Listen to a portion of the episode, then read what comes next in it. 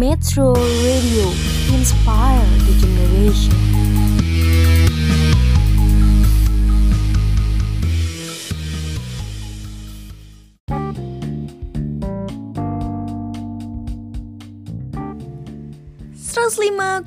enam FM Siaran Praktikum Komunikasi Sekolah Vokasi IPB Selamat pagi Sobat Metro Apa kabar nih kalian?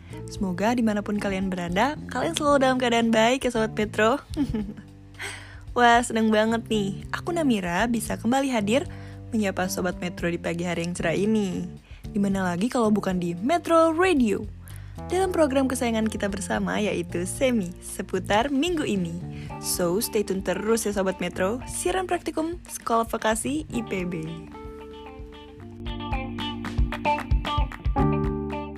Check this out.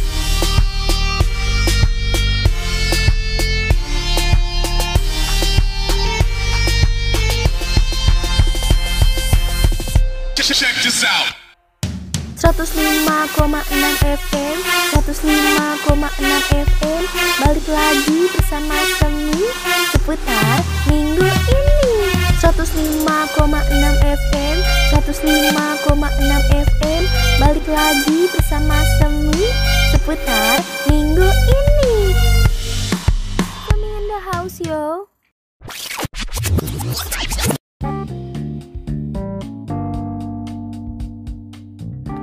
105,6 FM siaran praktikum Sekolah Vokasi IPB. Seperti biasa nih, aku bakal nemenin Sobat Metro semua selama satu jam ke depan. Di edisi Selasa, 28 Oktober 2020. Jadi, pastinya Sobat Metro semua penasaran kan? Kali ini aku bakal ngasih tahu tren dan informasi menarik apa aja ya ke kalian semua. So, tetap semangat dan tetap dengerin Metro Radio dalam program Semi seputar minggu ini. Dan untuk mengawali aktivitas Sobat Metro semua, aku bakal puterin lagu yang bikin hari kalian jadi makin semangat nih, yaitu Semangat Baru, kolaborasi dari Elo, Lala Carmela, Barry, dan Ipang, yang di cover oleh guru-guru sekolah musik Indonesia. Langsung aja yuk, check it out!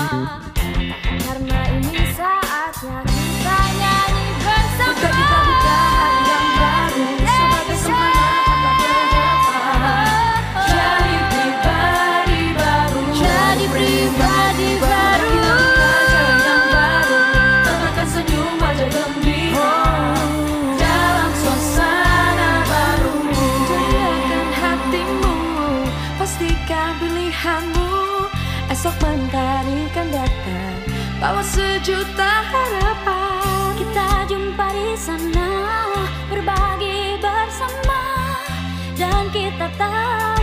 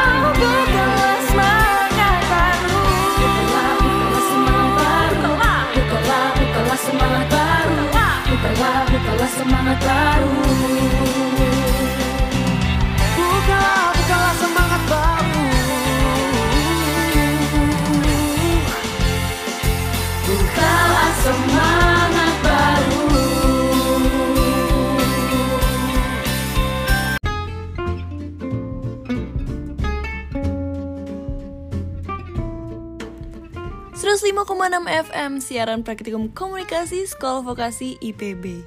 Pagi-pagi gini pasti Sobat Metro lapar kan di tengah perjalanan? Nah, PDH lagi ngadain promo loh untuk Sobat Metro semua yang suka lapar di pagi hari. Dengan promo Hungry at the Morning, kalian bisa dapatkan banyak menu favorit pilihan. Promo ini terdiri dari American Favorite Jumbo Extra Cheese, Spaghetti Bolognese, Garlic Bread, serta tidak lupa minumnya, kakak kalah. Promo ini berlaku di jam aktivitas mulai dari jam 7 pagi sampai 10 siang. Dengan minimum pembelian Rp10.000 aja loh Sobat Metro. 30 menit dijamin tiba deh. Tunggu apa lagi? Langsung telepon di 200 400 PDH.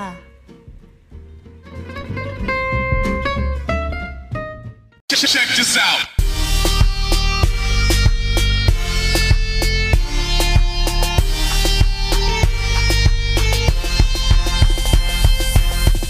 Check this out. 105,6 FM 105,6 FM Balik lagi bersama Semi Seputar minggu ini. 105,6 FM 105,6 FM Balik lagi bersama Semi Seputar minggu ini. Semi in the house yo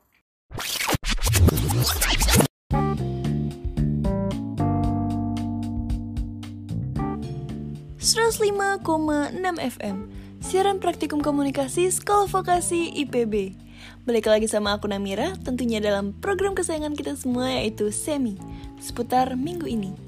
Nah seperti apa yang aku bilang tadi Aku bakal ngasih informasi terkini buat Sobat Metro semua nih. Dan ngomong-ngomong mengenai rancangan undang-undang Omnibus Law Cipta Kerja, sekarang sudah resmi menjadi undang-undang loh Sobat Metro. Disahkan oleh DPR RI pada Senin 5 Oktober 2020. Lagi-lagi kerjaan DPR kali ini mendapat protes keras dari banyak pihak ya Sobat Metro. Undang-undang Omnibus Law Cipta Kerja dinilai akan merugikan rakyat Indonesia, terutama buruh dan pekerja. Juga dianggap anti lingkungan hidup, mengabaikan HAM, dan masih banyak lagi. Sejumlah lembaga dan aktivitas mengeluarkan mosi tidak percaya kepada pemerintah Indonesia dan DPR RI setelah disahkannya UU Cipta Kerja. Bahkan di media sosial, hashtag mosi tidak percaya kepada DPR jadi viral banget di Twitter maupun Instagram kan Sobat Metro. Disuarakan oleh banyak kalangan, bahkan nih influencer sampai artis-artis juga nggak mau kalah. Dalam beberapa hari belakangan ini, unjuk rasa atau demonstrasi menolak pengesahan Undang-Undang Omnibus Law Cipta Kerja yang terjadi di beberapa kota di Indonesia. Gak cuma dilakukan serikat buruh dan pekerja, tapi juga ada kalangan mahasiswa dan elemen masyarakat lainnya yang turun ke jalan menolak undang-undang yang dinilai bermasalah tersebut. Unjuk rasa menolak Omnibus Law, Undang-Undang Cipta Kerja pecah di berbagai wilayah. Yang jadi wilayah utama udah pasti ibu kota kan Sobat Metro, yaitu Jakarta. Kericuhan sempat terjadi, dan masa yang marah sampai merusak beberapa fasilitas umum. Ya namanya unjuk rasa pasti ada situasi di mana berubah jadi rusuh ya Sobat Metro. Walaupun sebenarnya nggak diperbolehkan, data sementara pemerintah Provinsi DKI, banyak fasilitas umum yang rusak akibat kerusuhan massa. Dari kerusakan itu, kerugian diperkirakan mencapai puluhan miliar Sobat Metro. Dilansir dari Tribun News, sangat disayangkan karena tempat-tempat tersebut adalah fasilitas umum yang digunakan untuk masyarakat umum. Seperti halte, kurang lebih ada 25 halte yang terkena dampak rusuh. Kerugian yang dihitung sementara mencapai 65 miliar rupiah loh Sobat Metro. Wah, angka yang fantastis ya. Menurut aku sendiri sih, sebenarnya unjuk rasa atau menyuarakan pendapat, apalagi turun ke jalan sah-sah aja kok, asalkan bisa menjaga situasi tetap kondusif. Para demonstran dapat melakukannya dengan tertib dan sesuai dengan peraturan yang berlaku. Hati-hati juga terhadap oknum yang bisa memprovokasi. Nah, ini nih yang biasanya bikin situasi kacau alias rusuh. Perlu diingat ya, menyuarakan pendapat memang hak setiap warga negara. Yang nggak boleh itu, ketika unjuk rasa, ada seseorang yang memprovokasi, melakukan aksi kekerasan, bahkan kalau kita lihat dari contoh unjuk rasa Omnibus Law kemarin ya, tujuan aslinya kan melakukan unjuk rasa, alias demo untuk protes kepada DPR. Tapi yang dirusak malah fasilitas umum, kan aneh ya Sobat Metro. Hal seperti ini yang harusnya ditindak tegas oleh aparat. Sebelum kita lanjut nih, sebenarnya kalian udah tahu belum sih apa itu Omnibus Law? Jangan sampai sobat Metro di rumah yang ikut demo cuman karena ikut-ikutan ya. Tanpa tahu apa yang disuarakan. Hayo, siapa yang kayak gitu? Jangan sampai sobat Metro. Nah, jadi Omnibus Law itu berasal dari bahasa Latin yang berarti untuk semuanya. Kalau dalam konteks hukum, Omnibus Law adalah hukum yang bisa mencakup untuk semua atau satu undang-undang yang mengatur banyak hal. Dengan kata lain, Omnibus Law artinya metode atau konsep pembuatan regulasi yang menggabungkan beberapa aturan yang berbeda menjadi satu peraturan dalam satu kesatuan hukum. Rancangan Undang-Undang Cipta Kerja hanya salah satu bagian dari Omnibus Law. Dalam Omnibus Law, terdapat tiga RUU yang siap diundangkan, antara lain RUU tentang Cipta Kerja, RUU tentang ketentuan dan fasilitas perpajakan untuk penguatan perekonomian, dan RUU tentang pengembangan dan penguatan sektor keuangan. Tapi kenyataannya, Omnibus Law Cipta Kerja jadi rancangan undang-undang yang paling banyak jadi sorotan publik ya. Selain dianggap banyak memuat pasal kontroversial, rancangan Undang-Undang Cipta Kerja dinilai serikat buruh hanya mementingkan kepentingan investor, yang intinya dianggap merugikan kaum di bawah dan semakin menguntungkan pihak yang di atas.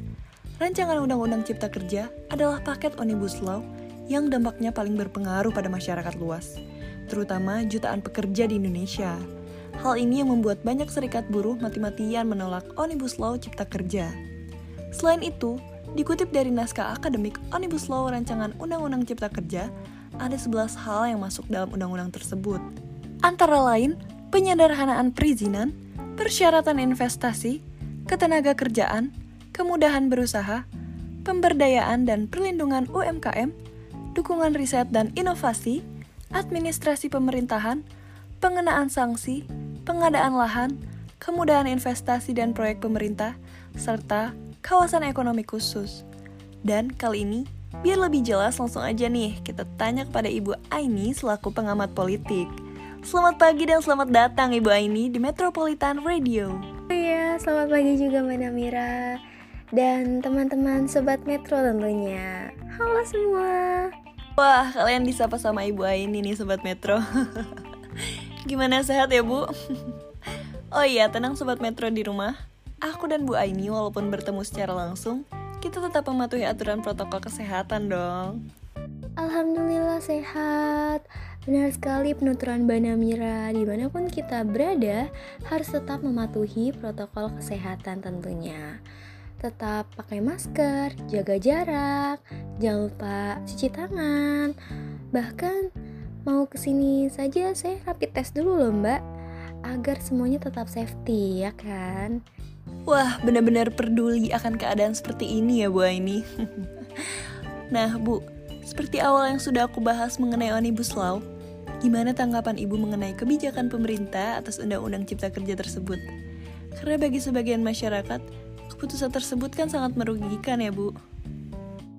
Baik Mbak Namira, kalau menurut sudut pandang saya sendiri sih memang kebijakan ini sangat mempengaruhi perekonomian masyarakat di Indonesia Khususnya untuk masyarakat menengah ke bawah ya Mbak Namira Kita ngomonginnya untuk rakyat ke bawah dulu Karena menurut mereka diciptakannya Undang-Undang Cipta Kerja ini merugikan mereka terkait pengurangan gaji, jaminan sosial, ataupun dalam hal pengangkatan ketenaga kerjaan gitu Mbak Namira.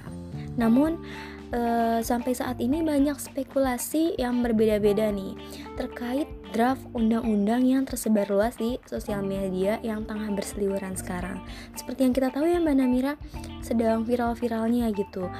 Bahwasanya isi draft tersebut diklarifikasi dari pihak pemerintahan maupun pihak DPR kalau draft aslinya itu sebenarnya belum dibagikan dan masih banyak anggota DPR lainnya yang bahkan belum membaca isi draft tersebut. Sementara dari pihak pemerintahan telah menyebutkan bahwa poin-poin yang ada di dalam draft tersebut berbeda dengan apa yang sudah pihak pemerintahan putuskan. Setelah siaran pers tersebut kan, mereka berbicara bahwa ini tidak merugikan dan bahkan dapat memperbaiki sistem lapangan pekerjaan bagi masyarakat agar lebih mudah untuk mencari pekerjaan. Seperti itu Mbak Namira. Oke baik Bu Aini.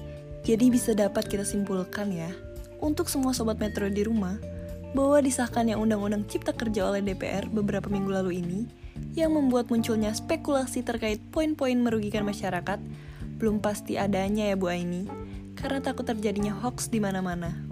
Ya, betul sekali Mbak Namira. Jadi untuk kita semua mungkin masih tetap harus mengawal dan memahami pergerakan pemerintahan. Kita tuh sebagai masyarakat gak boleh tuh namanya apatis. Kita harus tetap kritis terhadap isu-isu terkait sekarang. Salah satunya dalam kebijakan undang-undang ini, karena ini tuh akan berdampak kepada masyarakat. Yang dikhawatirkannya nih ya Mbak Namira, banyaknya provokasi yang muncul. Jadi kita harus tetap berhati-hati uh, dalam memakai sosial media, dalam menerima informasi. Jangan sampai kita termakan oleh berita-berita hoax yang tengah beredar. Oke baik Bu Aini. Nah, biasanya kalau pemerintah mengeluarkan kebijakan baru, pasti akan memicu masyarakat untuk demo. Jikalau keputusan tersebut dianggap berat sebelah untuk rakyat kan ya Bu? Ngomong-ngomong masalah demo nih Bu, sebelumnya sudah aku bahas juga mengenai kerugian yang dialami dari demo minggu lalu yang merugikan banyak pihak dan katanya jumlah kerugian yang ditafsir angkanya cukup fantastis. Apa benar tubuh beritanya? Takutnya hoax lagi. Dan mumpung ada Ibu Aini di Metropolitan Radio, aku dan Sobat Metro di rumah bisa dapat kesempatan bertanya langsung dan memastikan lebih jelas gitu loh Bu. Bagaimana untuk tanggapan Ibu sendiri? Silahkan. Terkait kerugian yang dialami, pastinya ada dong Mbak. Kalau demo, kita juga kan nggak bisa memprediksikan bagaimana situasi di lapangan terhadap perencanaan para demonstran ketika mendemo kemarin juga kan adapun hal-hal terkait pasca demo adanya kerusuhan ataupun kericuhan dan pengerusakan fasilitas umum yang bahkan kita semua juga nggak bisa menunjuk ataupun tahu siapa dalang atas kerusakan ini. Dan untuk terkait kerugian yang dialami memang cukup besar. Terutama di Jakarta ya Mbak Namira karena kan di Jakarta ini pusatnya dibanding daerah-daerah lain karena pusatnya ini masyarakat ingin mengajukan aspirasi langsung ke DPR dan saat menyampaikan aspirasi langsung kepada pemerintah inilah dapat dikatakan kejadian ini pun di luar kendali daripada demonstran kan karena amarah tidak merasa didengarkan. Dan saya baca juga di beberapa media dapat ditafsirkan kurang lebih mencapai angka 65 miliar rupiah. Cukup besar juga memang ya Mbak Namira. Dikarenakan demo kali ini memang menggerakkan seluruh aksi massa yang di lapisan masyarakat yang ada. Ya kan? Ada buruh mahasiswa ormas-ormas bahkan siswa SMK juga ikut turut andil dalam menyuarakan aspirasi masyarakat Ya kan, Benamira bisa kita lihat di berbagai siaran berita, hampir di seluruh daerah bergerak menuju kantor pemerintahan daerahnya masing-masing untuk mendesak ketuanya agar mau menolak disahkannya Undang-Undang Cipta Kerja ini. Dan balik lagi ke awal ya Mbak Namira, tadi kan Mbak Namira menanyakan terkait kerugian.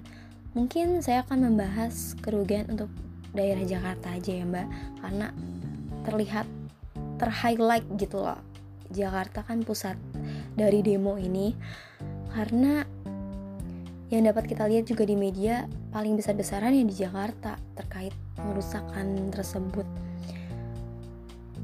Seperti terlihat dari puluhan halte Transjakarta dan fasilitas umum lainnya yang dirusak oleh massa bahkan dibakar juga ya Mbak Namira oleh demonstran kemarin memang benar untuk kerugian mencapai 65 miliar yang diungkapkan oleh Wakil Gubernur DKI Jakarta langsung oleh Bapak Ahmad Riza Patria disampaikan di Balai Kota Jakarta kemarin.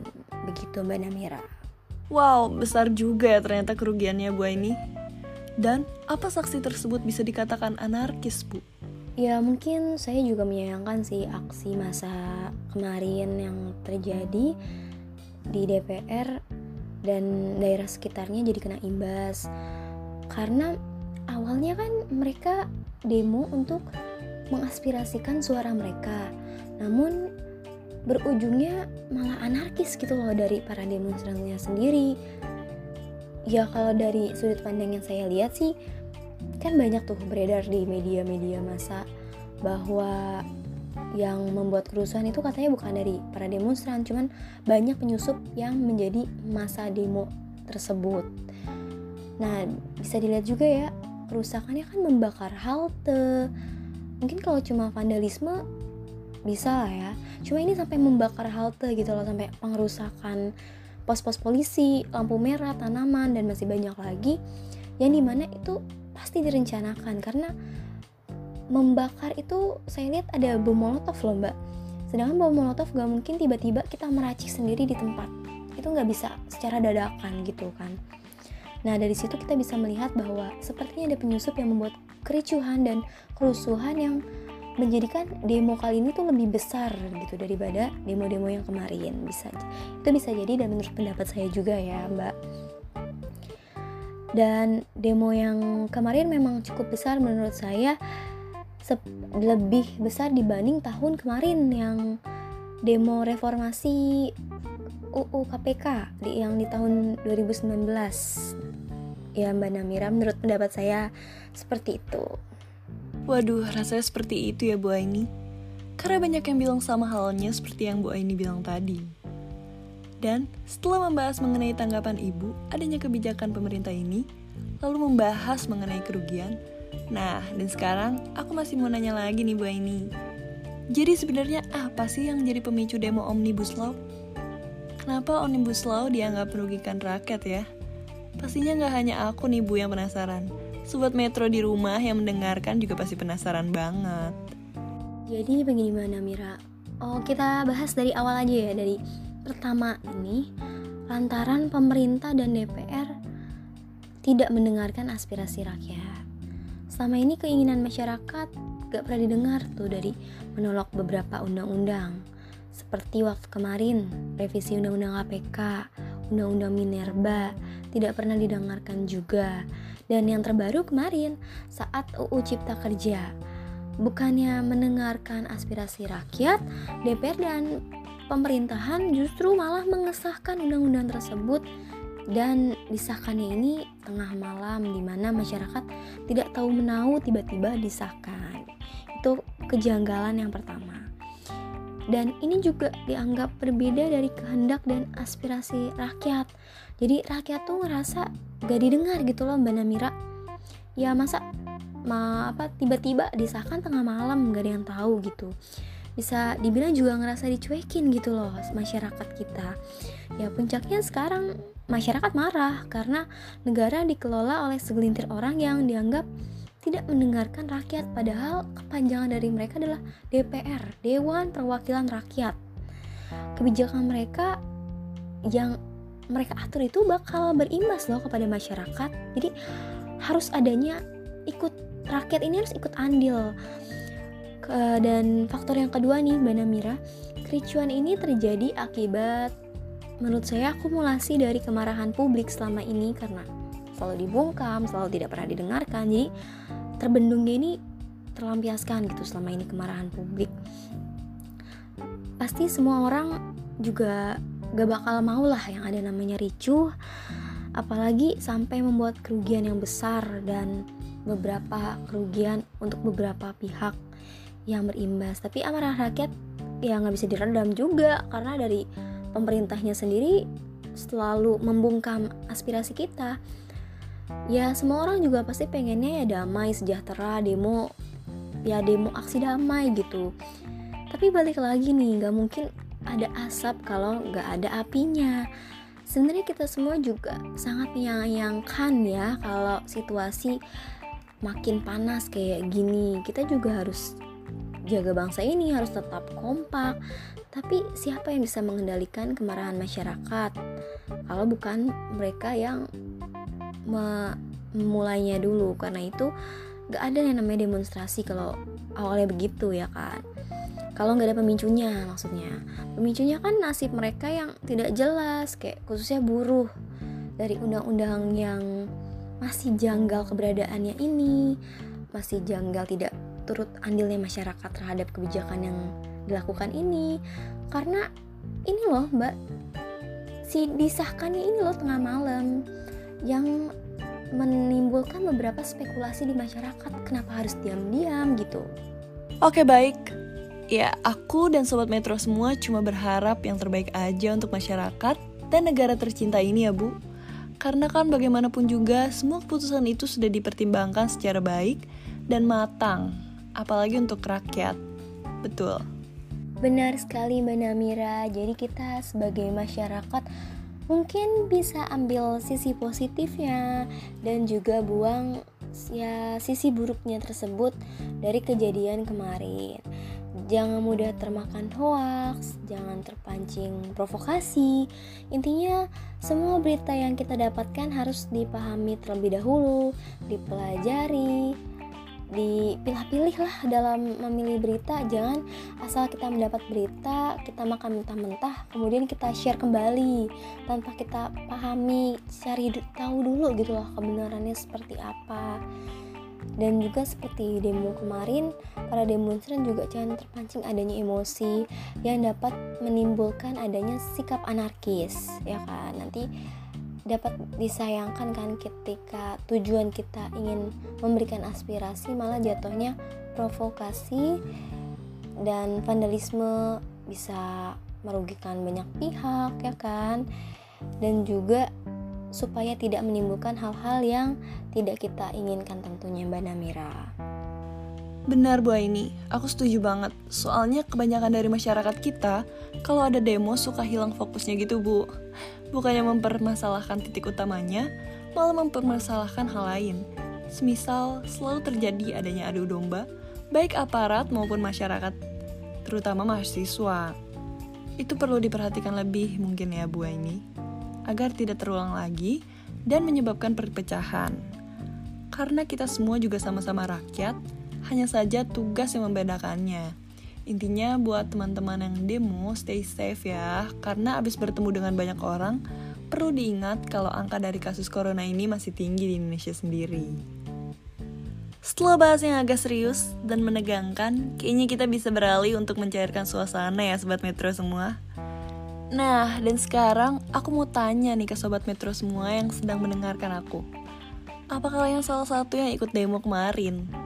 Wah, pasti macem-macem ya cerita yang ada saat demo terjadi. Mulai dari cerita-cerita menegangkan, sampai cerita lucu-lucu yang viral di media sosial.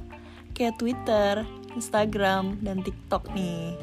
Meskipun sempat terjadi ricu, hingga terjadi pembakaran halte, dan kejadian-kejadian demonstrasi lainnya, banyak juga kejadian atau aksi lucu dari mahasiswa yang mengundang tawa. Di media sosial banyak banget yang mengabadikan momen-momen lucu para pendemo. Gimana nggak lucu coba ya? Banyak banget video yang tersebar memperlihatkan aksi konyol yang terjadi saat demo. Contohnya, mahasiswa-mahasiswa yang ikut berdemo sambil membawa hewan peliharaannya. Mulai dari ular, kucing, hingga monyet. Lewat kreatif apa gimana ya? Ada-ada aja memang nih. Tentu saja hal tersebut cukup unik hingga mencuri perhatian warganet. Tak heran jika video tersebut menjadi viral serta mengundang tawa warganet. Ada juga video viral mahasiswa yang kecebur got saat sedang demo. ikut demo memang beresiko terluka, atau paling tidak pulang dalam keadaan basah. Para mahasiswa ini bukan basah karena berkeringat atau tembakan gas air mata, namun tercebur ke selokan. Mungkin kedorong-dorong kali ya, hilang keseimbangan terus jatuh deh sampai kecebur got. Dua ada-ada aja ya. Kalau aku sih bisa nebak, sakitnya itu nggak seberapa, tapi baunya itu loh, waduh nikmat banget tuh ya kayaknya. Selain itu tentang TikTok nih, demam TikTok emang terjadi di mana-mana ya. Sampai demo-demo yang pakai joget TikTok. Emang sih ada banyak cara untuk menunjukkan protes kepada pemerintah. Contohnya, ada video viral yang menunjukin para mahasiswi menggunakan tarian ala TikTok untuk memberikan opini mereka. TikTokan kapan pun, di mana pun, emang asik ya Sobat Metro. Bagaimana nih tanggapan Ibu Aini terhadap video-video viral tersebut, Bu? Apakah terhibur? Wah, memang benar ya Mbak Namira kalau video-video yang sedang trending terkait aksi kemarin yang saya lihat seperti mahasiswa dan mahasiswi menari TikTok ataupun ada yang mengeluh sepatunya hilang ya nggak sih? Yang sepatunya hilang satu. Terus ada juga yang ini Mbak Namira yang didatengin ibunya pas lagi demo. Nah iya ada juga yang katanya kehilangan kekasihnya. Terus apalagi ya banyak itu di sosial media. Saya berseliweran terus dapat dapat apa? Dapat demo eh pulang demo dapat pacar ya kan? Ada juga tuh saya lihat. Ya kalau menurut saya pribadi hal-hal seperti itu ya masih wajar. Dan Mungkin itu adalah salah satu bentuk hiburan ketika mereka capek, ketika aksi demo kemarin ya kalau dilihat dari sisi hiburannya ya tentu menghibur juga tentunya. Selagi mereka nggak melakukan hal kekerasan yang mengandung sara, rasis itu masih wajar lah ya adanya. Karena itu juga kan terkait dengan konten hiburan juga kita lagi aksi ah gimana sih agar meredam panas-panasnya aksi gitu kan jadi adanya hiburan paham gitu. Saya juga itu ter terkait tentang media hiburan gitu agar banyak orang-orang yang terhibur. Kita juga kan nggak bisa melarang. Selagi mereka nggak anarkis dan merasa terhibur semuanya ya it's okay gitu. Bahkan saya juga melihatnya terhibur jujur. Karena gimana sih banyak orang pastikan yang capek di tengah aksi panas emosi ya marah gitu ya. Terhibur melihat itu tapi saya juga melihat komen-komenannya kok katanya malah ngatain gimana sih mbaknya nggak empati segala macem? Ya itu kan perspektif orang ya beda-beda. Tapi ya menurut pendapat saya ya just hiburan sih gak apa-apa selagi mereka nggak anarkis dan melakukan kekerasan tentunya. Saya juga nggak habis pikir kok mereka bisa ya melakukan hal seperti itu menghibur orang-orang di tengah aksi kemarin gitu loh. Ya sangat kreatif memang generasi milenial sekarang tuh ya Mbak Namira. Memang masyarakat Indonesia selera umurnya tinggi ya Bu. Jadi hal-hal serius bisa mereka bawa tenang Dengan hiburan ala mereka sendiri Untuk menambah energi di tengah aksi. Dan ternyata selain aksi-aksi mahasiswa yang super kocak dan viral Ada juga loh dari kalangan masyarakat Terutama ibu-ibu.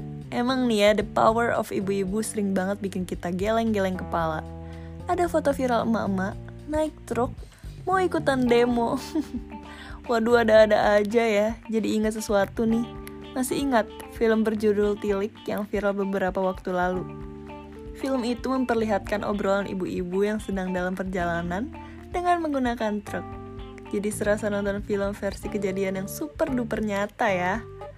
Nah, jadi beberapa waktu lalu, ketika para buruh turun ke jalan untuk menyampaikan aspirasi, segerombolan ibu-ibu nekat naik truk untuk mengikuti demo tolak Omnibus Law UU Cipta Kerja. Bersamaan dengan Serikat Federasi Buruh, para ibu-ibu yang berprofesi sebagai buruh di Cimahi, Jawa Barat, mengikuti aksi massa tersebut. Wah, perlu diacungi jempol sih semangatnya. Foto ibu-ibu naik truk viral di laman Instagram yaitu foto perjuangan ibu-ibu ketika hendak mengikuti aksi massa di kota Kembang, Bandung, Jawa Barat. Ternyata adegan mama naik truk tak hanya ada di dalam film dokumenter Tilik ya. Wah bener-bener termasuk kategori ibu-ibu Wonder Woman itu ya nggak? Mbak Namira nggak habis pikir gitu loh kok bisa ya ibu-ibu?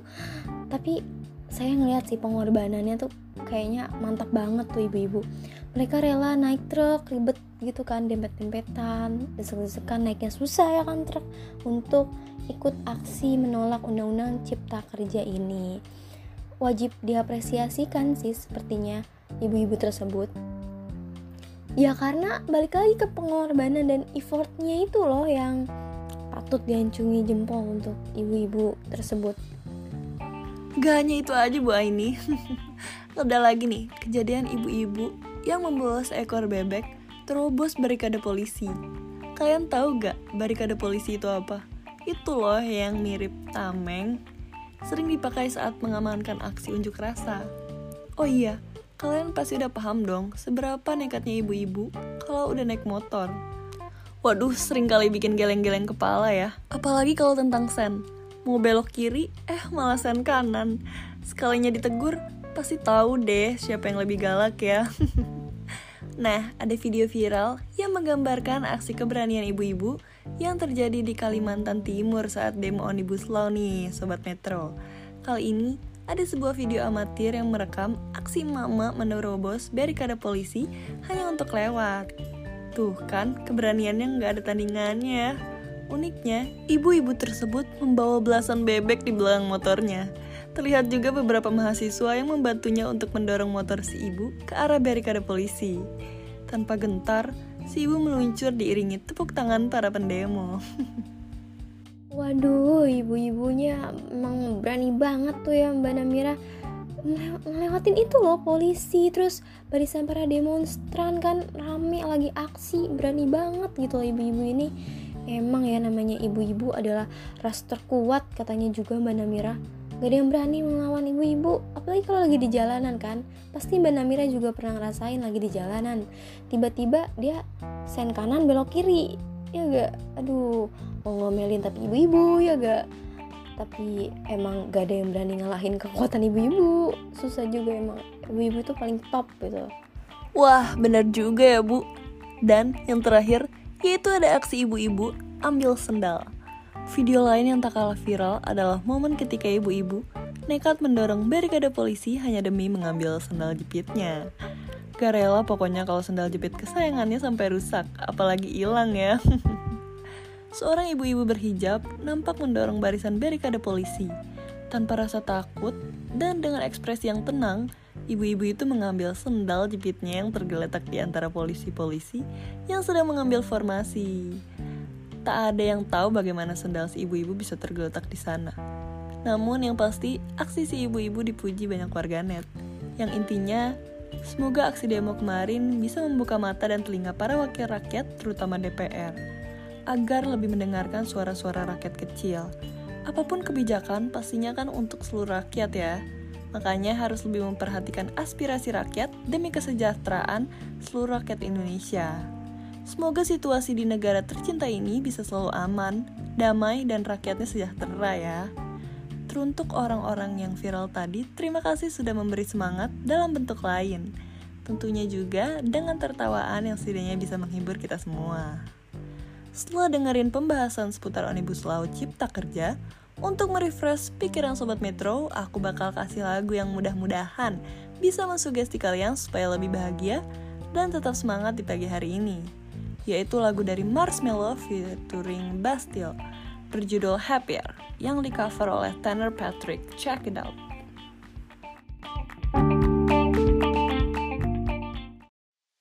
Lately, I've been, I've been thinking. I want you to be happier. I want you to be happier. When the morning comes, when we see what we've become. In the cold light of day, we're a flame in the wind, not the fire that we've begun. Every argument, every word we can't take back. Cause with all that has happened, I think that we both know the way that the story ends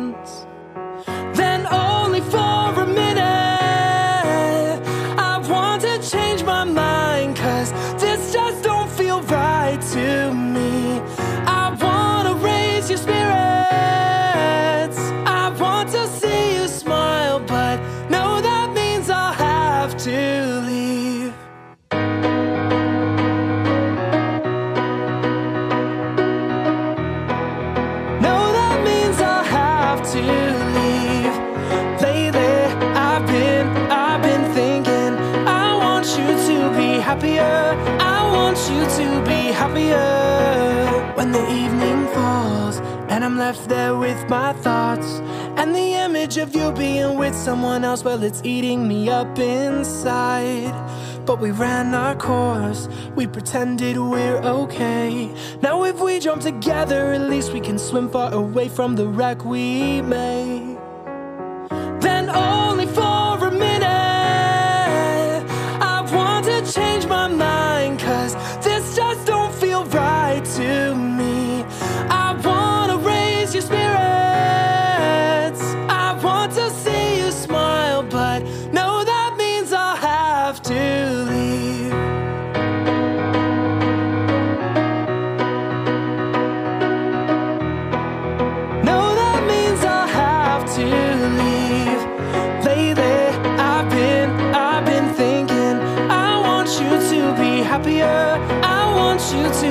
Happier.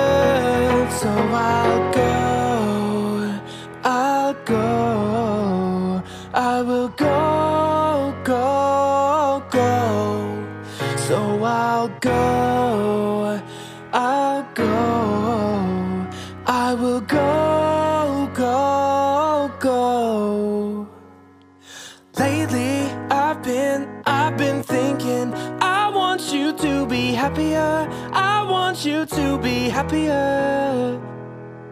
Even though I might not like this, I think that you'll be happier.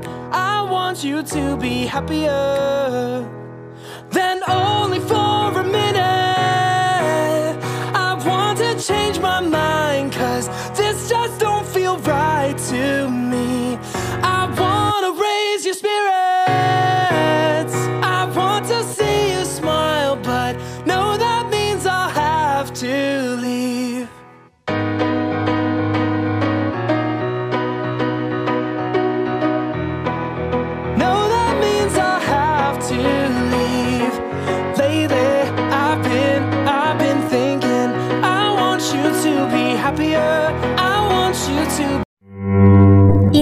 kisah anak milenial yang membuat dahi mengerut. Bangun kesiangan, kemudian marah-marah bikin keriput.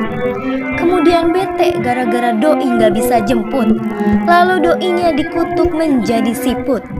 Untung saja ada aplikasi Gojek yang selalu sedia untuk para penumpangnya.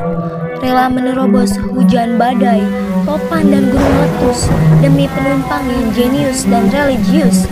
Gak usah nunggu lama-lama sampai lecet, karena kami menerobos macet. Apalagi yang kurang dari Gojek, aplikasi cendekiawan untuk milenial atasi berbagai hal. Install Gojek dari sekarang dan nikmati hasilnya. Gojek, terobos terus walaupun becek. Check this out.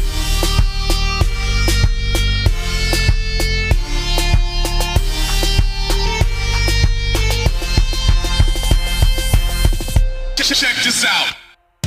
105,6 FM 105,6 FM Balik lagi bersama Semi Seputar minggu ini.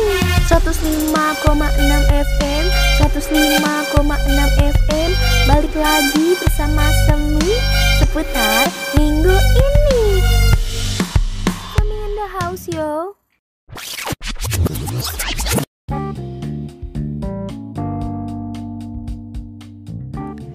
105,6 FM siaran praktikum komunikasi Sekolah Vokasi IPB. Balik lagi sama aku Namira di sini, tentunya dalam program kesayangan kita semua yaitu Semi seputar minggu ini. Berlanjut ke pembahasan selanjutnya nih. Pandemi COVID-19 emang membawa banyak perubahan di hidup manusia. Mulai dari aktivitas seperti bekerja maupun kegiatan belajar yang dilakukan di rumah. Sejumlah rencana yang akhirnya harus dibatalkan hingga perubahannya pola dan gaya hidup dengan lebih memprioritaskan kesehatan. Tentu gaya hidup seperti ini harus dipertahankan. Apalagi ketika memasuki fase new normal. Dengan diterapkannya new normal, masyarakat bisa kembali beraktivitas termasuk bekerja seperti sedia kala. Namun, tetap menerapkan protokol kesehatan. Namun, menurut sejumlah survei Badan Pusat Statistik, 73% dari responden merasa khawatir akan kemungkinan penyebaran penyakit, termasuk virus corona, saat kembali ke rutinitas kerja seperti sedia kala. Karena selama ini belum ditemukannya vaksin atau antivirus COVID-19. Bahkan ada kemungkinan manusia akan hidup berdampingan dengan virus ini. Sama halnya dengan penyakit flu, oleh karena itu, sangat penting untuk menerapkan pola hidup bersih dan sehat. Pola hidup sehat dan bersih sebenarnya sudah diimbau sejak lama. Namun kebiasaan ini baru benar-benar diterapkan sejak pandemi COVID-19 terjadi. Nah, Sobat Metro, ada kebiasaan yang mulai sekarang perlu kamu terapkan nih, khususnya sejak pandemi ini. Pertama, yaitu perbanyak asupan makanan bergizi, dan menerapkan pola makanan sehat dan penuh nutrisi. Kualitas kesehatan dan daya tahan tubuh sudah pasti ikut meningkat. Salah satu makanan yang baik untuk daya tahan tubuh adalah makanan kaya akan vitamin C dan vitamin B kompleks. Yang keduanya mencukupi kebutuhan air putih. Nah, minum paling tidak 8 gelas sehari dapat membantu tubuh jadi tak mudah dehidrasi dan dapat meningkatkan kesehatan tubuh. Yang ketiga nih Sobat Metro, olahraga rutin. Memasuki new normal, sebaiknya tetap biasakan berolahraga sebelum melakukan aktivitas harian. Keempat, yaitu istirahat yang cukup. Tidur dapat membantu memaksimalkan metabolisme dan menjaga daya tahan tubuh, Sobat Metro. Usahakan untuk tidur minimal 7-8 jam setiap harinya. Yang kelima, bantu dengan multivitamin. Bantu tubuhmu memenuhi kebutuhan vitamin harian dengan mengkonsumsi multivitamin secara rutin. Kamu dapat minum multivitamin yang mengandung vitamin C, untuk bantu meningkatkan sistem imunitas dan jaga daya tahan tubuh. Yang keenam nih Sobat Metro, patuhi protokol kesehatan yang berlaku. Gunakan masker ketika pergi keluar rumah. Gunakan masker kain ketika pergi ke tempat publik. Masker dapat mencegah pencegahan virus dengan melindungi bagian wajah dari droplets seseorang yang mengandung COVID-19. Terapkan physical distancing Pastikan kamu tetap jaga jarak dan tidak melakukan kontak terlalu dekat dengan orang lain, kecuali memang diperlukan. Jangan lupa untuk selalu menghindari kerumunan di tempat ramai. Cuci tangan rutin, selalu mencuci tangan dengan sabun dan air, terutama setelah menyentuh benda yang tidak yang berada di ruang publik. Jika tidak ada wastafel atau toilet, gunakan hand sanitizer untuk membersihkan tangan. Bersihkan permukaan benda dengan disinfektan untuk benda atau barang yang sering kamu sentuh dan bawa keluar rumah. Bisa dibersihkan dengan disinfektan secara rutin, misal bersihkan handphone, dompet, dan kantong belanjaan yang sering kamu gunakan. Berdasarkan survei McKinsey, ada beberapa kekhawatiran yang muncul selama pandemi, yaitu 61% merasa khawatir karena tidak mengetahui berapa lama kondisi ini akan berlangsung. 61% khawatir pada keselamatan diri sendiri dan keluarganya. 45% justru masih berkontribusi dalam penyebaran virus. Dari kekhawatiran inilah yang memotivasi masyarakat untuk mengubah perilaku hidup mereka jadi lebih sehat dan bersih sobat Metro. Mulai dengan menjaga kebersihan tangan, rutin mengkonsumsi air putih, rajin berolahraga, mengkonsumsi makanan sehat, memperbanyak makan sayur serta buah, hingga mengkonsumsi suplemen atau multivitamin untuk meningkatkan imunitas tubuh.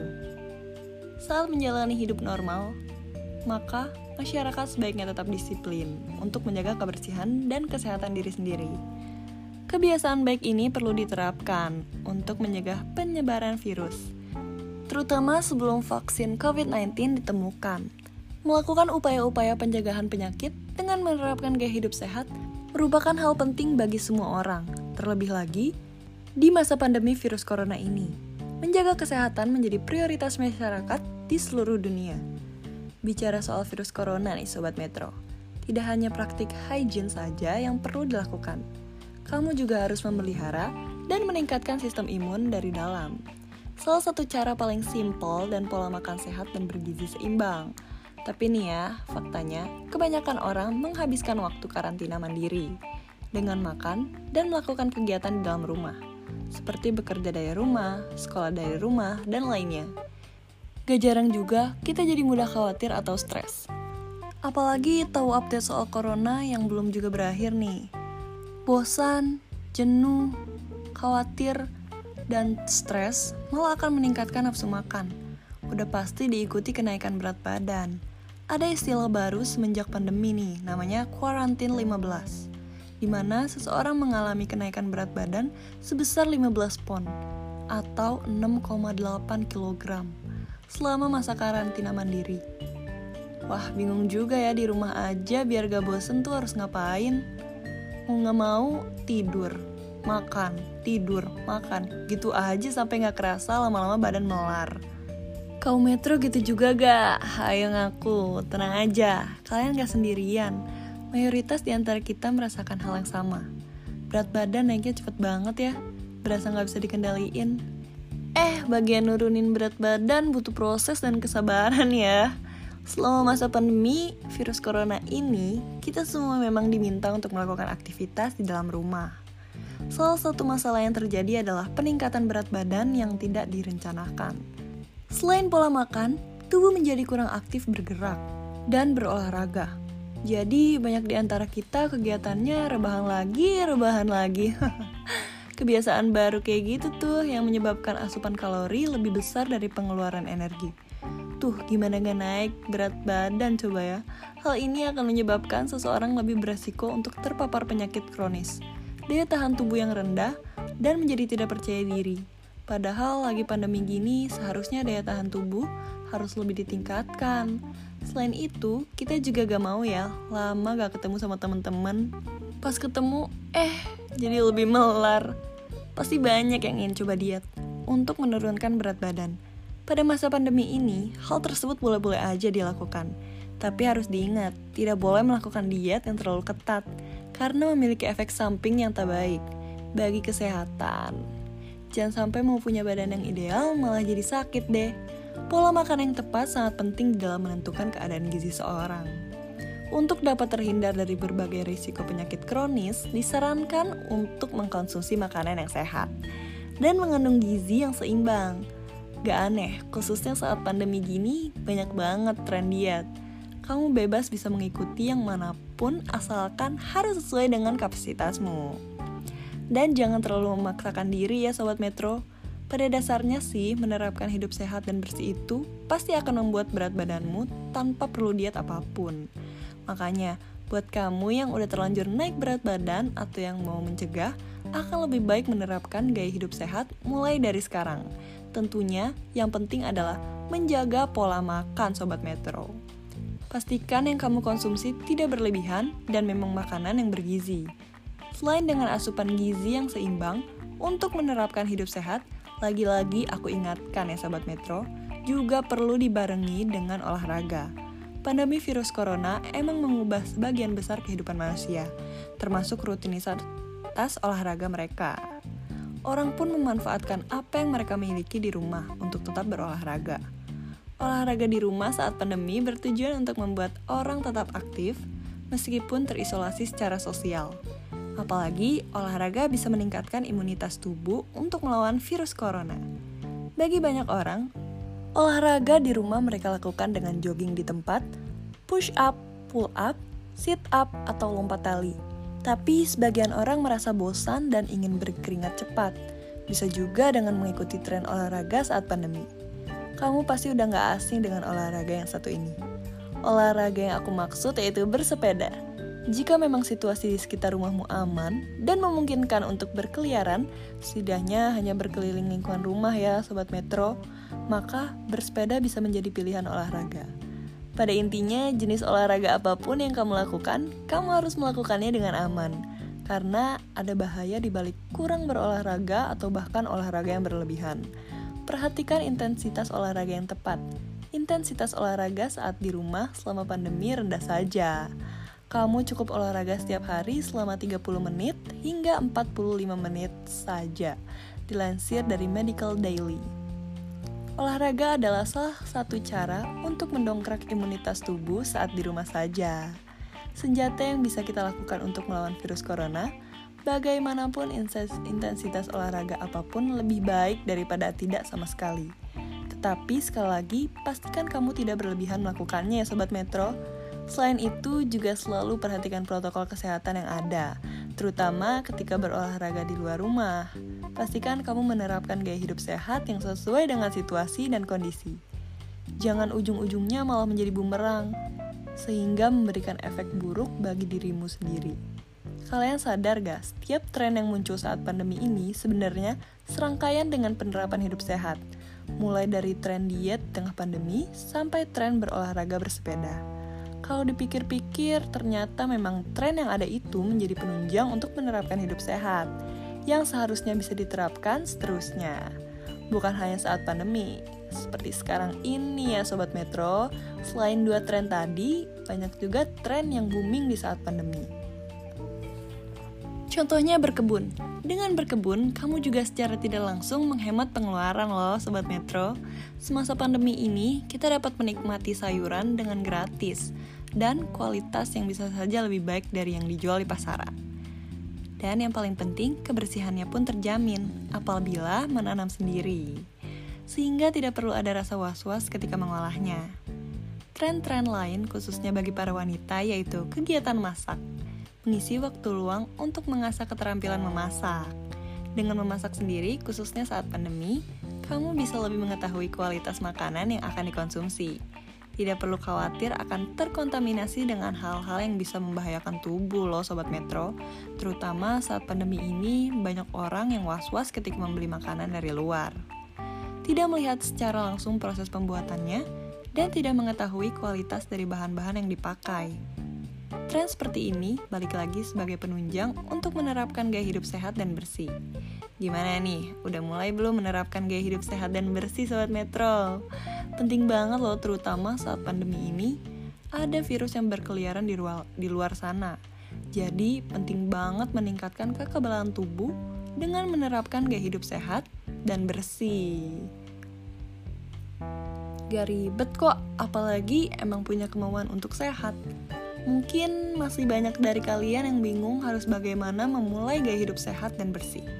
Kali ini, aku akan mengundang dokter cantik bernama Windy Nadianti Putri. Beliau merupakan dokter sekaligus influencer yang sering banget bagi-bagi informasi seputar gaya hidup sehat dan bersih lewat akun media sosialnya, yaitu Instagram.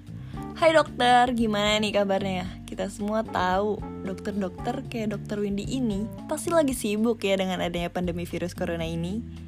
Tapi saking baiknya nih, dokter Windy menyempatkan diri untuk bagi-bagi informasi ke kita semua agar selalu sehat, khususnya saat pandemi kayak gini. Oke deh, tanpa buang-buang waktu, mulai aja nih kita tanya-tanya ke dokter Windy seputar gaya hidup sehat dan bersih. Pada dasarnya kan ya, gaya hidup sehat kayak gitu berawal dari apa yang kita konsumsi. Jadi mungkin kalian yang masih bingung apa aja yang baik untuk dikonsumsi, terutama untuk meningkatkan daya tahan tubuh ya. Kira-kira pola makan seperti apa ya dok yang bisa meningkatkan daya tahan tubuh kita?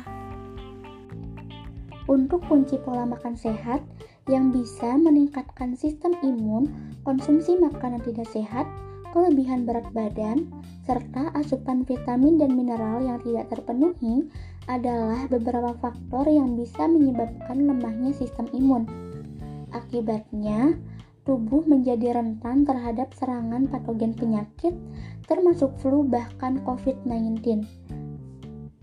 Bersamaan dengan praktik hand hygiene, social distancing, penggunaan masker, dan etika batuk, bersin, Lakukan juga 7 tips pola makan sehat berikut ini sebagai upaya pencegahan penyakit serta pemeliharaan kesehatan. Makan secukupnya seperti halnya mobil yang memerlukan bensin agar bisa berjalan, tubuh Anda juga membutuhkan asupan nutrisi supaya dapat bekerja secara optimal. Nutrisi ini tentunya diperoleh dari makanan. Sistem imun terbentuk dari berbagai sel dan protein yang berperan dalam melawan infeksi dari patogen asing. Untuk membentuk komponen sistem imun ini, tubuh membutuhkan energi yang juga didapatkan dari makanan serta minuman.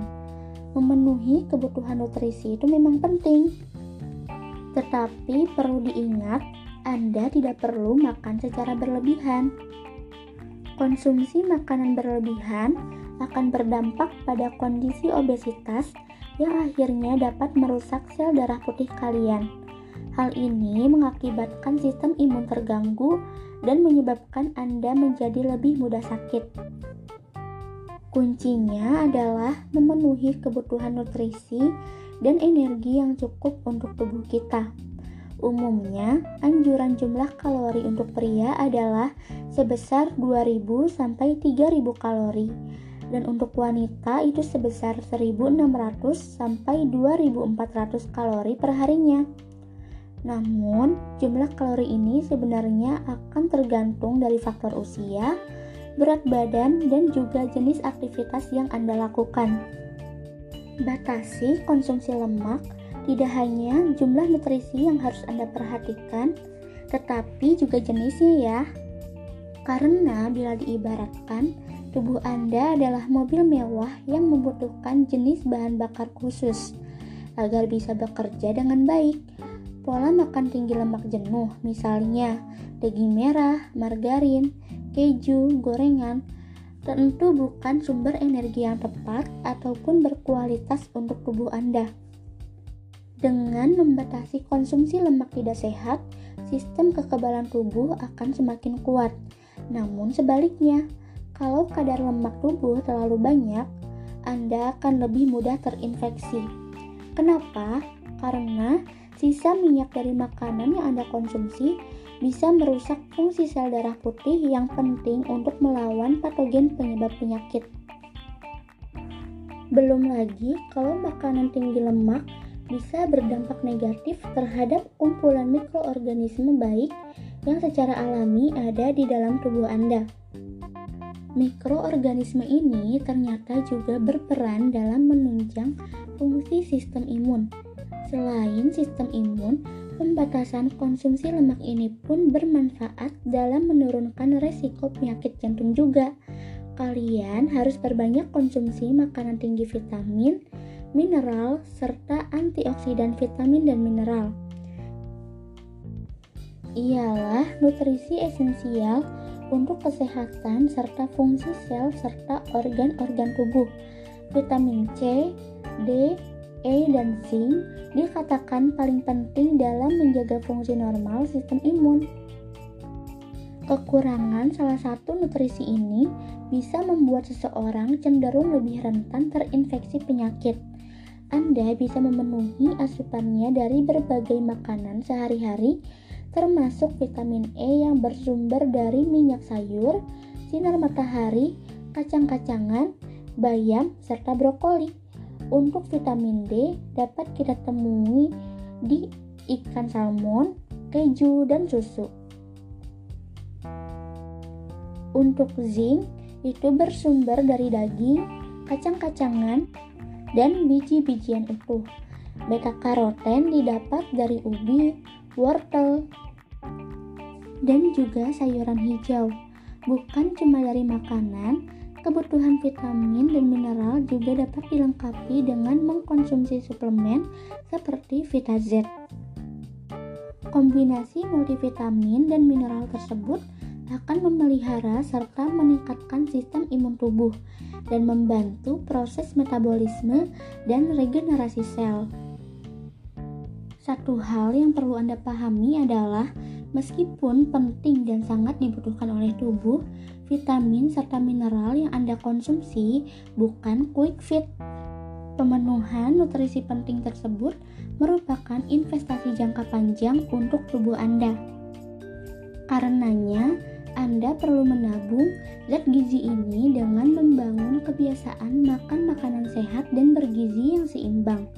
Perbanyak buah dan sayuran, anjuran pola makan sehat yang bergizi seimbang bukan tanpa alasan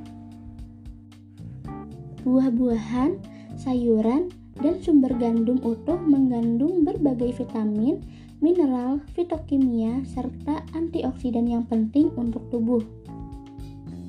Nutrisi-nutrisi tersebut yang akan menunjang fungsi dan kerja dari sistem kekebalan tubuh. Sayuran, terutama yang berdaun hijau, memiliki nutrisi yang vital untuk sistem kekebalan tubuh, seperti vitamin A dan vitamin C, serta B9 alias folat. Brokoli bisa Anda konsumsi karena kandungan serat dan antioksidannya. Sayuran ini juga kaya akan vitamin A, C, dan E. Kandungan nutrisi inilah yang membuat brokoli mampu menjaga dan meningkatkan sistem imun tubuh. Kandungan antioksidan pada bayam tidak kalah tinggi dibandingkan brokoli. Tidak cuma antioksidan, bayam pun mengandung banyak beta-karoten, vitamin C, dan vitamin A yang efektif menguatkan sistem kekebalan tubuh supaya nutrisi di dalamnya tidak terbuang. Sebaiknya Anda tidak memasak bayam terlalu lama. Buah-buahan yang berwarna cerah dan terang juga kaya akan antioksidan, vitamin, serta mineral yang berperan penting dalam menjaga fungsi sistem kekebalan tubuh. Contoh buah-buahan ini yaitu ada pepaya, jeruk, lemon, cabai, paprika, kiwi, mangga, jambu, dan stroberi. Makan sumber protein-protein membantu tubuh membentuk antibodi yang berperan penting untuk melawan infeksi bakteri atau virus serta mencegah terjadinya infeksi dari patogen yang sama di kemudian hari. Ketika tubuh Anda berhasil memproduksi antibodi terhadap bakteri atau virus tertentu, sel-sel imun dalam tubuh tidak akan pernah lupa cara menghasilkannya lagi. Jadi, jika nantinya bakteri atau virus tersebut kembali menyerang, tubuh Anda akan bisa melawannya dengan lebih cepat. Kebutuhan protein ini bisa dipenuhi dari daging ayam dan sapi tanpa lemak, telur, kedelai, kacang polong, hingga produk olahan susu seperti keju dan juga yogurt. Penuhi kebutuhan vitamin C. Daya tahan tubuh yang kuat sering dikaitkan dengan pemenuhan asupan vitamin C. Banyak orang yang mengkonsumsi vitamin ini, baik dari makanan seperti buah jeruk atau suplemen untuk menyembuhkan flu. Meski sebenarnya segelas jus jeruk tidak serta-merta menyembuhkan Anda dari flu.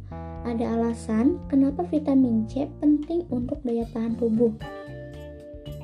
Antioksidan yang terkandung di dalam vitamin C melindungi sel dari kerusakan akibat radikal bebas. Vitamin 1 ini menunjang kerja sel-sel imun ketika menyerang virus dan bakteri.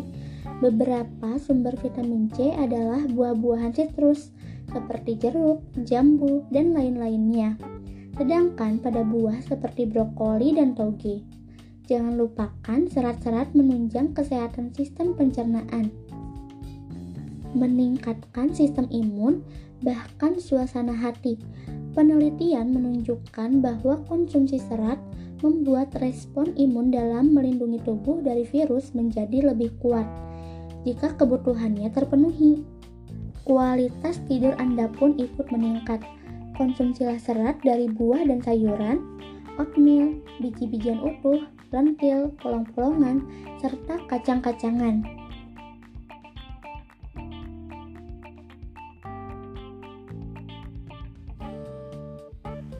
Oke baik, nah gitu ya kira-kira Sobat Metro Pola makan yang bisa kita lakukan demi menerapkan gaya hidup yang sehat Selain dari segi makanan yang kita konsumsi nih dok Apa aja sih kira-kira yang bisa kita lakuin untuk meningkatkan daya tahan tubuh kita? Di masa pandemi COVID-19 seperti saat ini, setiap negara pastinya akan mengeluarkan berbagai protokol kesehatan yang harus dipatuhi oleh masyarakatnya. Hal tersebut bertujuan agar diri kita terlindung dari paparan virus berbahaya tersebut. Salah satu kuncinya adalah dengan menjaga imunitas tubuh.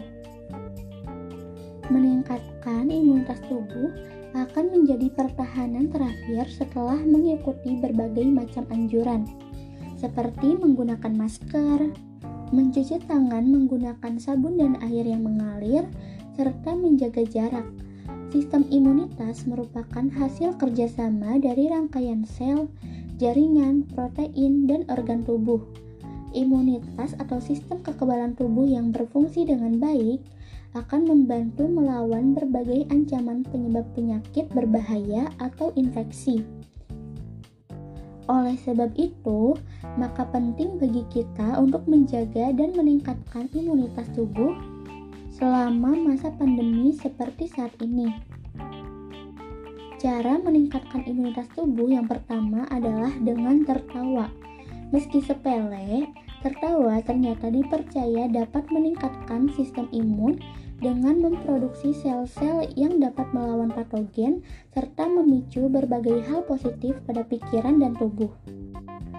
Ketika tertawa, tubuh akan terasa lebih bersinergi dan juga positif. Hal ini karena terdapat beberapa senyawa kimia baik yang diproduksi di dalam tubuh. Senyawa tersebut adalah hormon endorfin. Hormon ini berfungsi sebagai pemicu rasa senang pada pikiran dan mengurangi stres.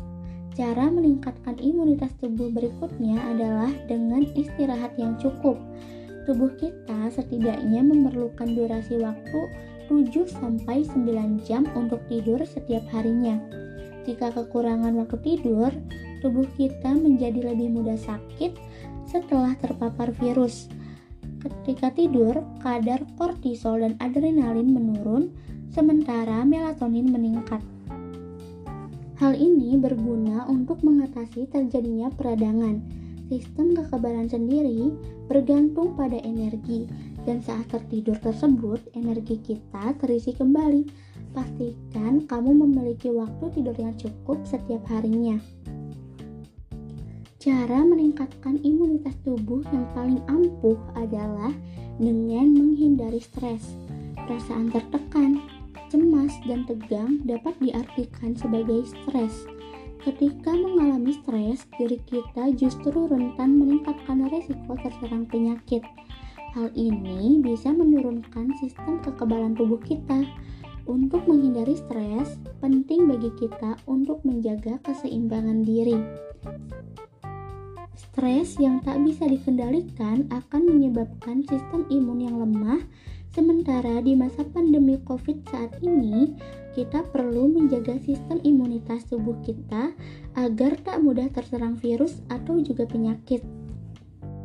Selanjutnya, ada jenis olahraga yang terbilang aman dilakukan untuk di rumah aja selama pandemi COVID-19, yaitu kardio. Nah, jenis olahraga kardio yaitu olahraga yang efektif membakar lemak dan membuat tubuh menjadi berkeringat. Untungnya, olahraga ini bisa dilakukan di rumah, sehingga mengurangi resiko kamu terjangkit COVID-19. Jika kamu memiliki treadmill, sepeda statis, atau alat kardio lainnya di rumah, maka kamu bisa memanfaatkannya. Namun, jangan khawatir, lompat tali atau skipping juga bisa menjadi alternatif lainnya. Senam aerobik. Jika tidak memiliki alat latihan kardio, kamu bisa melakukan senam aerobik yang memiliki manfaat yang serupa. Olahraga satu ini juga menjadi pilihan yang menarik untuk dilakukan selama di rumah aja. Instruktur olahraga aerobik tetap memberikan gerakan-gerakan yang membuat tubuh menjadi berkeringat, sehingga tubuh kita menjadi lebih bugar. Senam aerobik juga mampu meredakan gejala depresi dan gangguan cemas yang dihadapi selama pandemi ini. Yoga, nah olahraga ini mungkin terkesan mudah dan sederhana ya. Namun, jika dilakukan dengan sungguh-sungguh, olahraga ini juga tergolong efektif membakar lemak dan membuat tubuh menjadi berkeringat. Bonusnya lagi, beberapa gerakan yoga dapat membuat kamu lebih tenang dan menjadi lebih santai. Sehingga kecemasan yang sering muncul selama pandemi ini bisa berkurang. Beberapa manfaat yoga lainnya adalah menjaga metabolisme tubuh, meningkatkan pernapasan, memperkuat energi serta vitalitas. Kamu bisa melakukannya di rumah dengan mengikuti video tutorial yang sudah banyak tersedia di internet. Push up. Nah, olahraga ini juga bisa dilakukan di rumah dan untungnya kamu juga tidak memerlukan alat bantu. Push up adalah olahraga yang tepat jika kamu ingin memperkuat tubuh bagian atas, seperti dada. Jika rutin dilakukan setiap hari, maka dapat meningkatkan kekuatan otot dada dan tubuh menjadi lebih fit. Wah, tertawa juga bisa buat ningkatin daya tahan tubuh loh. Intinya ketika kita bahagia, tubuh pasti memberikan efek yang positif banget. Salah satunya kekebalan tubuh meningkat. Menerapkan gaya hidup sehat rasanya kurang ya kalau tidak dibarengi dengan olahraga. Nah, sekarang kalian gak usah bingung lagi harus mulai dari mana kalau mau menerapkan gaya hidup sehat.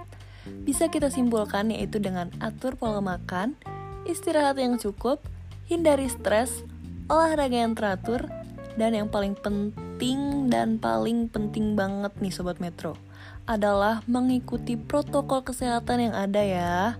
Terima kasih juga nih kepada Dr. Windy yang mau menyempatkan waktunya untuk mampir ke studio kami. Khususnya di program Semi seputar minggu ini memberikan informasi yang super duper bermanfaat buat kita semua ya.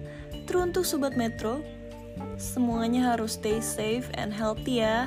Setelah dengerin informasi seputar gaya hidup sehat dan bersih saat pandemi, pasti kalian udah nungguin the next playlist kan? Dan kali ini, lagu dari Citra Skolastika berjudul Pasti Bisa yang di-cover oleh wanita cantik bernama Desti. Langsung aja yuk check it out.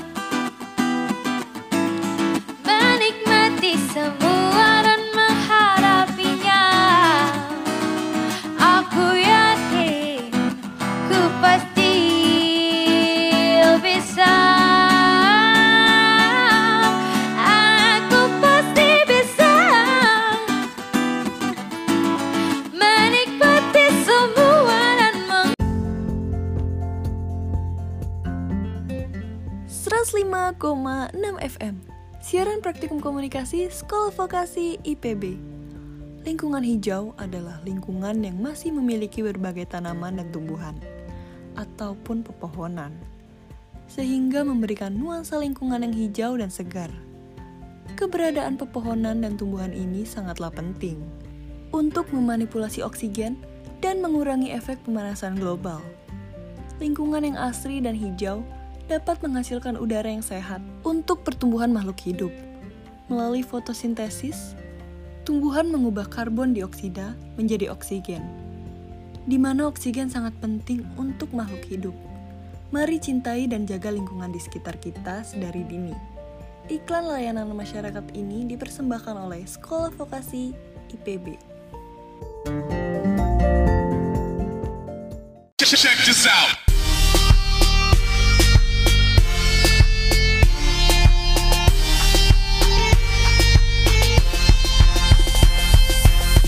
105,6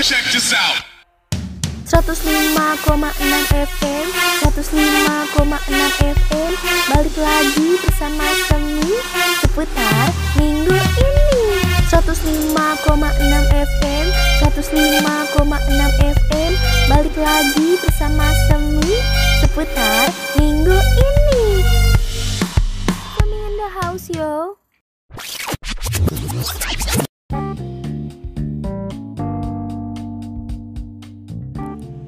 105,6 FM Siaran Praktikum Komunikasi Sekolah Vokasi IPB Wah, kayaknya waktu aku buat nemenin Sobat Metro udah habis nih. Gak kerasa ya 60 menit kita berlalu, cepet banget ya. Saatnya aku Namira untuk undur diri. Terima kasih udah setia mendengarkan Namira di sini di Metro Radio dalam program Semi seputar minggu ini. Jangan galau dan bersedih karena minggu depan di waktu yang sama dan program yang sama, aku bakal kembali hadir nih. Menemani pagi hari Sobat Metro semua. Di mana pun kalian berada, yang pastinya dengan informasi dan tren terkini yang lebih menarik dan juga unik. Selamat pagi dan selamat melanjutkan aktivitas ya semuanya. Bye, see you. Check this out.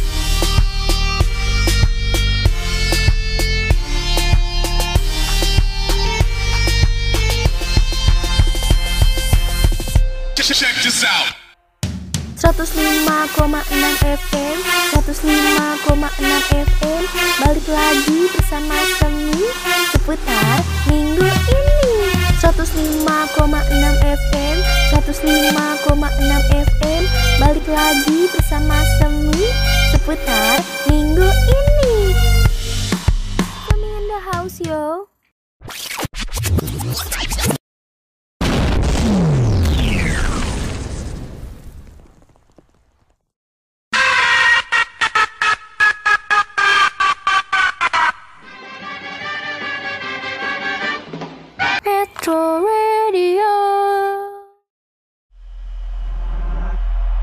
Metro Radio Inspire the generation